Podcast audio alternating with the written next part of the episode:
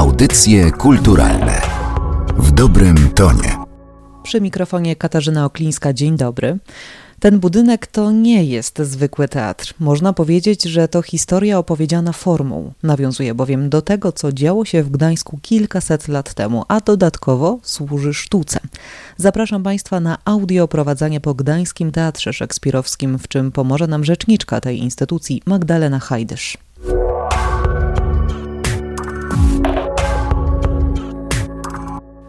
Dotrzeć do Gdańskiego Teatru Szekspirowskiego, trzeba, idąc w kierunku ulicy Długiej, zatrzymać się tuż przed Złotą Bramą, która otwiera wejście na tę ulicę i skręcić w prawo.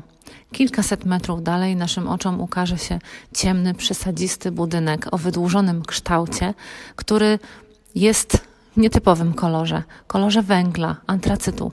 Odnalezienie głównego wejścia też może nie być łatwe, ponieważ architekt celowo otoczył ten teatr murem, umieszczając w nim tylko kilka zagadkowych wcięć, z których jedno z nich to właśnie główne wejście. Oczywiście oznaczenia, tablice informacyjne pokierują Państwa we właściwe miejsce.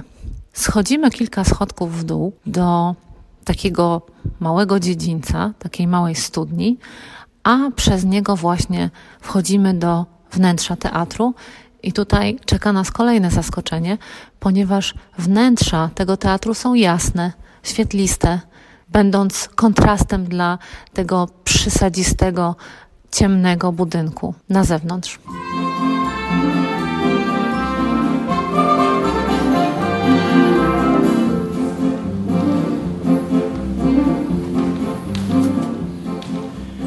Kobiety dziś wykształcone są, pięknych słów tylko słuchać chcą.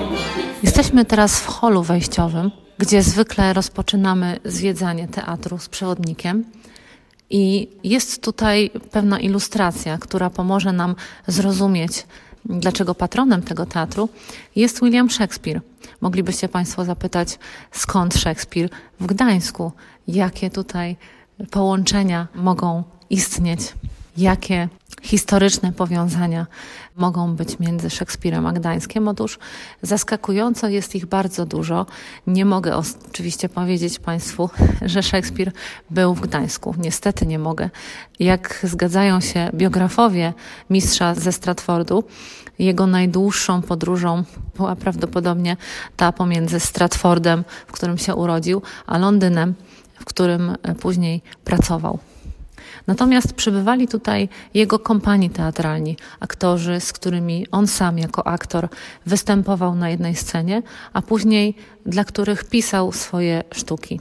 Patrzę właśnie na Recinę, na replikę Reciny oczywiście, autorstwa Petera Willera, holenderskiego artysty, który na zlecenie ówczesnego króla Polski Władysława IV porządził cykl rycin z Gdańska, które miały posłużyć jako ilustracje do pierwszej ilustrowanej historii Gdańska, wydanej przez Reinholda Kurikego. Ta rycina datowana jest na około 1650 rok i jest jedynym do tej pory zachowanym obrazem, ilustracją, przekazem ikonograficznym, na którym widać ten drewniany, niezadaszony budynek dawnego teatru bo to właśnie do dawnego teatru elżbietańskiego odwołuje się obecny Gdański Teatr Szekspirowski. Jest jego częściową rekonstrukcją. Proszę, mnie. Kiss me, Kate. Pocałuj mnie, raz się ma.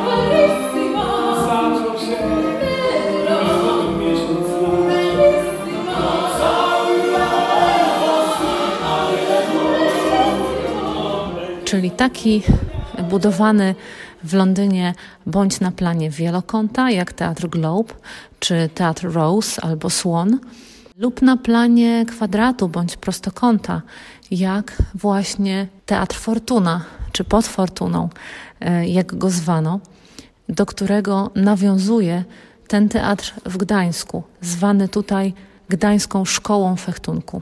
Dlaczego tak był nazywany? Otóż y, Ten teatr, który zbudowany był na zlecenie władz miasta, na zlecenie Rady Miejskiej w 1635 roku, właściwie był bliźniaczo podobny do tego teatru Fortuna. Szkołą fechtunku opiekowało się Bractwo Świętego Jerzego, które specjalizowało się w łucznictwie, ale również uczyło młodych mężczyzn historycznej szermierki, czyli właśnie tego fechtunku. Było ogólnie odpowiedzialne za ćwiczenie mężczyzn w obronności miasta. Bractwo Świętego Jerzego organizowało również wiele różnego rodzaju wydarzeń, wiele imprez biesiadnych, towarzyskich, w tym również spektakle. Zapraszało ono aktorów, którzy przybywali do miasta i co ciekawe, byli to najczęściej aktorzy angielscy. Początkowo grali w języku angielskim, ale okazało się szybko, że nie są w stanie w ten sposób nawiązać żywej relacji i uzyskać żywych reakcji publiczności, w związku z czym zaczęli tłumaczyć sztuki zwykle wybitnych e, angielskich dramaturgów na język niemiecki.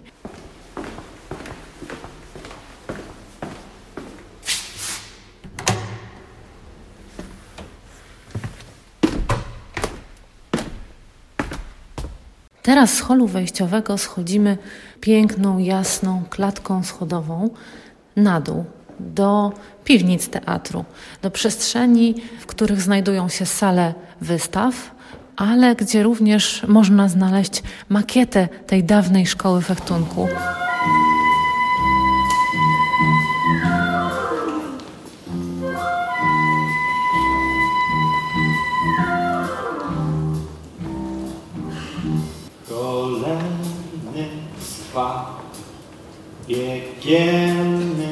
Żal.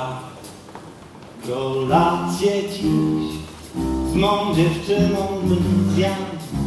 Czym charakteryzowały się teatry elżbietańskie? Czym różniły się od teatrów włoskich zwanych klasycznymi, pudełkowymi? Otóż na, na, podstawie tej makiety właśnie można to najłatwiej opisać, pokazać.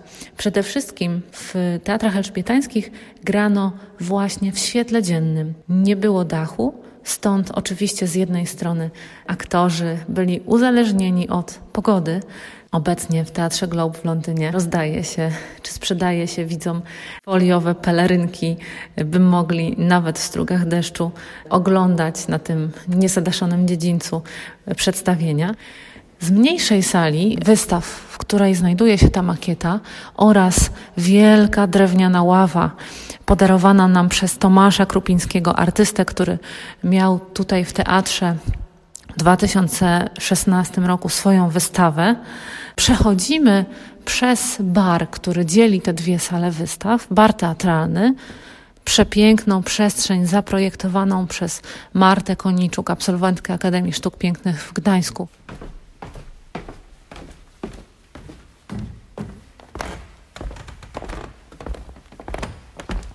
Przechodzimy do drugiej sali wystaw, do większej, która akurat dzisiaj jest pusta. Tutaj słyszycie na pewno Państwo takie echo, taki pogłos.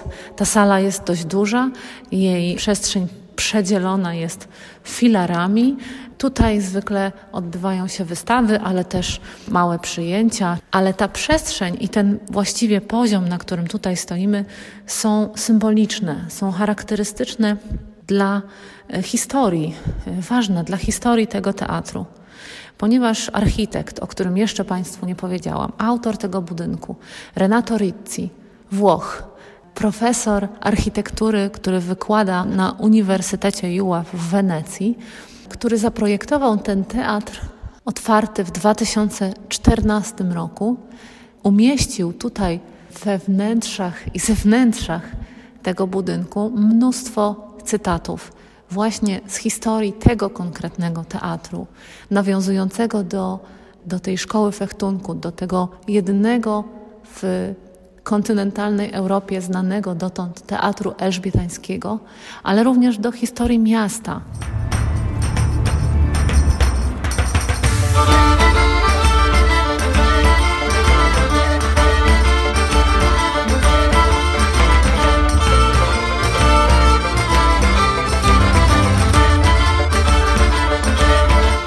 Stoję teraz właśnie przy wielkiej bryle, sięgającej od tego poziomu minus jeden właśnie piwnic, aż do trzeciego piętra. Wszystkie te przestrzenie są otwarte jedna na drugą.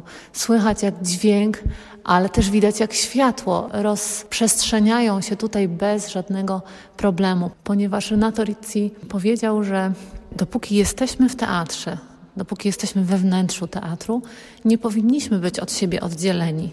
Ten teatr jest jednocześnie jak labirynt, po którym możemy podróżować i nigdy nam się nie znudzi.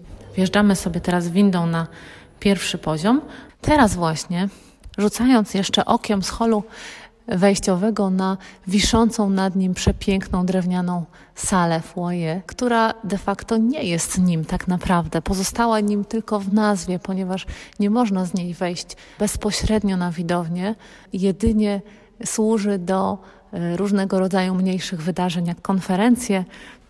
Otwieram wielkie drzwi, dwa skrzydła ogromnych drzwi i wchodzę do pięknie oświetlonej, teraz specjalnie, żebym się tutaj nie pogubiła w tych zakamarkach, sali głównej teatru. Widzę teraz otaczające mnie z wszystkich trzech stron drewniane galerie, trzy poziomy drewnianych galerii, również pokrytych jasnym, brzozowym drewnem.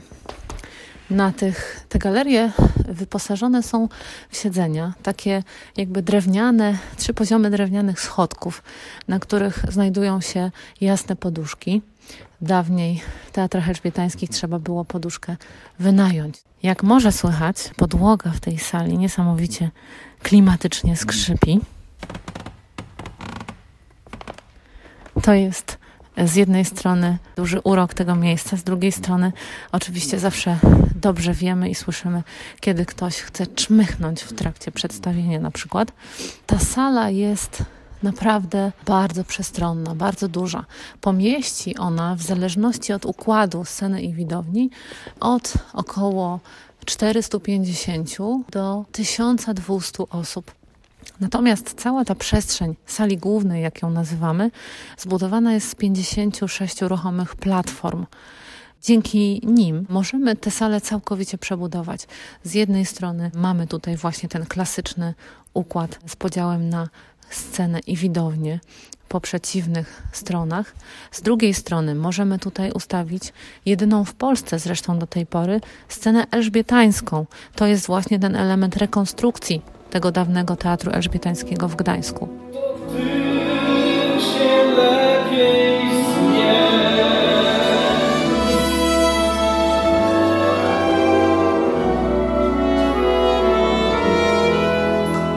Nie wiem czemu mi nie ufasz, tylko ciebie naprawdę chcę. Platformy, sceny są unoszone oczywiście po zdemontowaniu wszystkich foteli do wysokości 1,20 m, a wokół nich cała podłoga, cała przestrzeń jest zupełnie płaska. Oczywiście dzięki ruchomości, mobilności, elastyczności tej całej sali, dzięki temu, że cała ona jest ruchoma, że może zostać przebudowana, jest tutaj możliwych dużo innych ustawień eksperymentalnych. Ale chyba największą ciekawostką tej sali jest tak naprawdę otwierany dach. Dach, który znajduje się nad całą powierzchnią widowni. Dach składa się z dwóch wielkich skrzydeł, które otwierają się do pionu, czyli nie rozsuwają się na boki, ale otwierają się, pozostając po otwarciu stojące zupełnie w pionie. Po co ten dach tutaj jest? Oczywiście nie tylko po to, by zrobić na nas ogromne wrażenie i wywołać efekt wow, ale przede wszystkim po to, żeby właśnie połączyć te dwa typy budynków teatralnych, czyli z jednej strony zamknięty, wyciemniony w środku podczas przedstawienia na widowni teatr pudełkowy, a z drugiej strony po otwarciu dachu teatr elżbietański, który ma ten wewnętrzny, niezadaszony dziedziniec z wpuszczonym do wnętrza naturalnym światłem, przy którym można zagrać w promieniach słońca. Oczywiście wtedy przenosząc się niejako w czasie, nie używając również żadnego rodzaju ani sztucznego oświetlenia, ani dodatkowego nagłośnienia.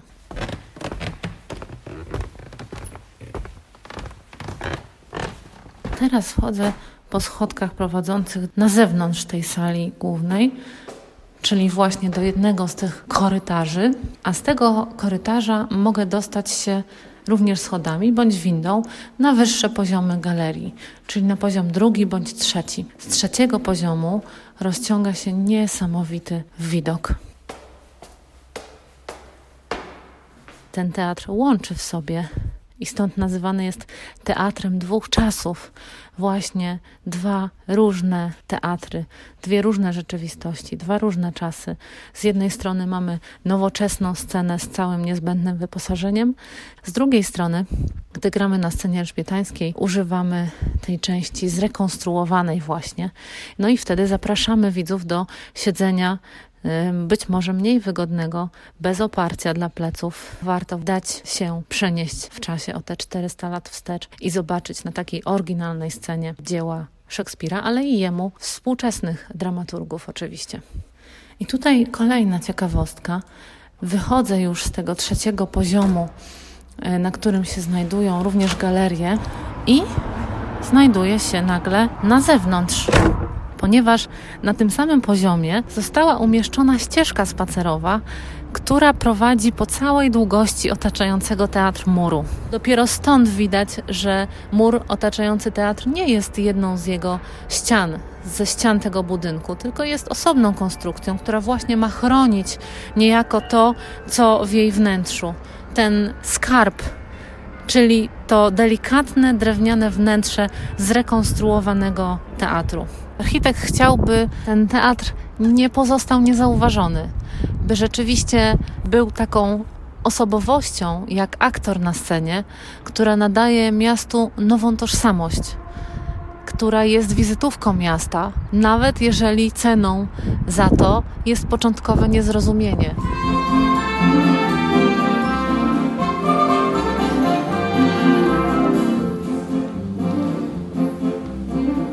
O Gdańskim Teatrze Szekspirowskim opowiadała nam rzeczniczka tej instytucji Magdalena Hajdysz. Dziękuję Państwu za uwagę. Katarzyna Oklińska, do usłyszenia. Audycje kulturalne w dobrym tonie.